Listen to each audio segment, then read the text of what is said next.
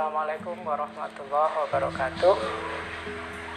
Teman-teman sekalian Kalau saya mengucapkan kata filsafat Kira-kira apa yang muncul di kepala teman-teman sekalian?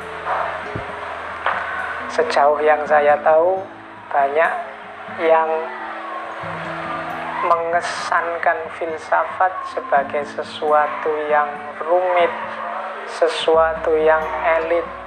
Bahkan jangan-jangan ada yang punya keyakinan filsafat adalah sesuatu yang haram.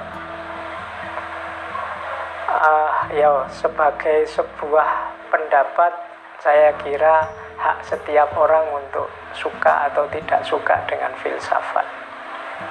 Tapi kalau kata filsafat ini saya ganti dengan istilah berpikir yang benar, mungkin pendapat teman-teman tentang filsafat akan berubah.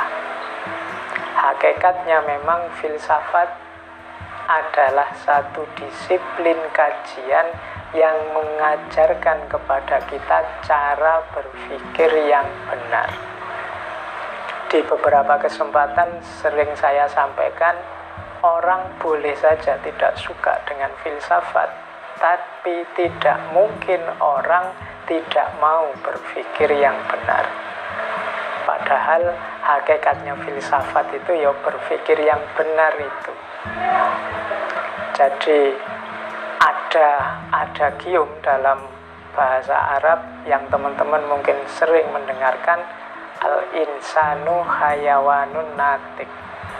Manusia adalah binatang yang berpikir Jadi berpikir adalah penciri utamanya manusia Berarti ketika seseorang kehilangan kualifikasi dirinya dalam berpikir Dia tinggal hayawannya Tinggal unsur kehewanannya Dari titik ini sebenarnya bisa kita simpulkan bahwa filsafat itu sangat penting untuk kehidupan kita.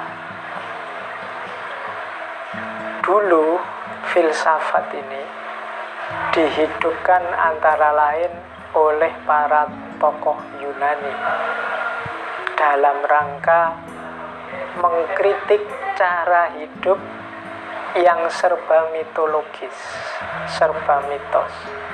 Jadi di awal kelahirannya di Yunani, filsafat ini mengkritisi cara hidup yang serba mitos. Teman-teman mungkin membaca bagaimana orang Yunani zaman dulu sangat terikat dengan mitos-mitosnya, dewa-dewanya, ada Zeus, ada Thor, dan lain-lain. Nah, filsafat hadir karena tidak puas dengan jawaban-jawaban mitos. Kalau kita analogikan dengan zaman kita sekarang, jawaban-jawaban mitos itu berarti jawaban-jawaban yang tidak masuk akal. Jawaban-jawaban yang diikuti begitu saja tanpa dipertanyakan. Dari sini sebenarnya bisa kita simpulkan bahwa filsafat itu mengajarkan kita untuk memikirkan hidup tidak hidup begitu saja dan asal-asalan tapi mengerti secara masuk akal apa dan bagaimana cara kita hidup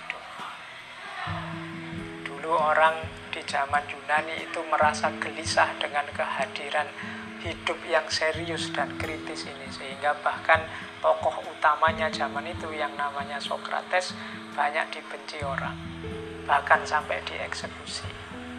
Tapi pada akhirnya orang semakin sadar bahwa memang jawaban-jawaban yang coraknya mitos itu tidak memadai untuk kehidupan kita.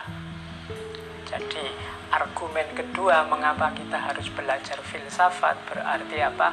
Kita dituntut untuk hidup secara serius, tidak asal-asalan, tidak hanya ikut-ikutan kita harus bisa menjawab pertanyaan mengapa, apa, dan bagaimana tentang kehidupan kita.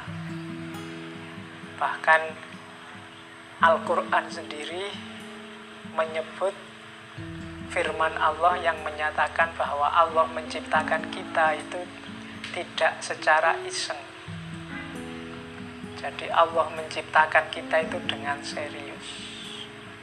Nanti bagi teman-teman yang membaca Al-Quran akan ketemu ayat yang bunyinya Afa hasibtum annama kholaknakum abada wa annakum ilaina la. Apa engkau anggap kami ini menciptakan engkau untuk main-main saja dan engkau tidak dikembalikan pada kami. Berarti Allah menciptakan kita itu untuk serius. Ada amanah dan tujuan yang harus kita jalankan. Berarti hidup memang tidak boleh asal-asalan. Kita harus serius. Untuk menseriusi hidup inilah filsafat hadir. Makanya katanya Socrates, an unexamined life is not worth living. Hidup yang tidak diuji, hidup yang tidak dikaji secara serius adalah hidup yang tidak berharga. Nah, maka teman-teman semua khususnya yang muda-muda menjadi tanggung jawab kita, menjadi kewajiban kita untuk sejak sekarang berefleksi tentang hidup kita, untuk sejak sekarang merenungi untuk sejak sekarang berkontemplasi, untuk sejak sekarang berpikir tentang serius, secara serius tentang kehidupan kita. Karena itulah sebenarnya amanat yang diberikan oleh Allah kepada kita dengan memposisikan kita sebagai khalifahnya. Tidak menunggu besok. Kalau sudah menunggu besok, mungkin teman-teman targetnya Pak saya pinternya besok saja saya belajarnya besok saja menseriusi hidup besok saja mumpung sekarang masih muda. Kalau tidak dimulai sekarang maka kita akan terlambat.